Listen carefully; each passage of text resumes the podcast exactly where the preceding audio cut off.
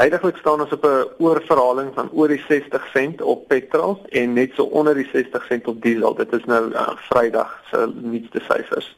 Wat is die faktore wat hier 'n rol gespeel het dat ons nou so skielike groot oorverhaling het? Wel basies daar's twee faktore. Dit is die randwisselkoers want ons voer olie in en dan natuurlik die oliepryse self, die internasionale oliepryse self. Nou die oliepryse verhandel tans net vir die grootste deel van die maand indien nie die hele maand onder 50 Amerikaanse dollar per vat verhandel.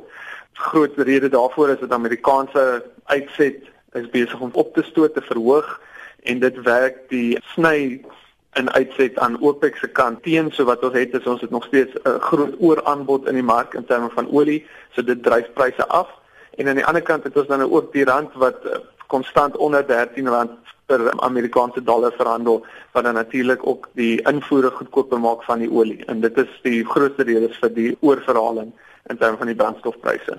Baie mense was bekommerd geweest dat aankondigings byvoorbeeld deur kredietgraderingsagentskappe en ander onsekerhede in die mark moontlik 'n groter impak kan laat op die rand. Ja, kyk, ek dink almal het verwag die rand gaan redelik verswak met die graderingsagentskappe se aankondigings. Ek dink wat ons so 'n bietjie beskerm het in die huidige situasie is die feit dat die internasionale omgewing is baie voordelig vir ontleikende marke soos Suid-Afrika. Daar's baie kapitaal wat tuis te soek, wat opbrengs te soek internasionale beleggers wat opbrengste soek en op hierdie stadium bied Suid-Afrika en ander ontleikende marke nog beter opbrengs op hierdie geld. So ten spyte van die feit dat ons afgradeer is, ten spyte van die feit dat groei so laag is en so swak is en ten spyte van al die politieke skommelinge, is daar steeds kapitaal wat vloei in Suid-Afrika in en dit hou dan die rand sterker as verwag.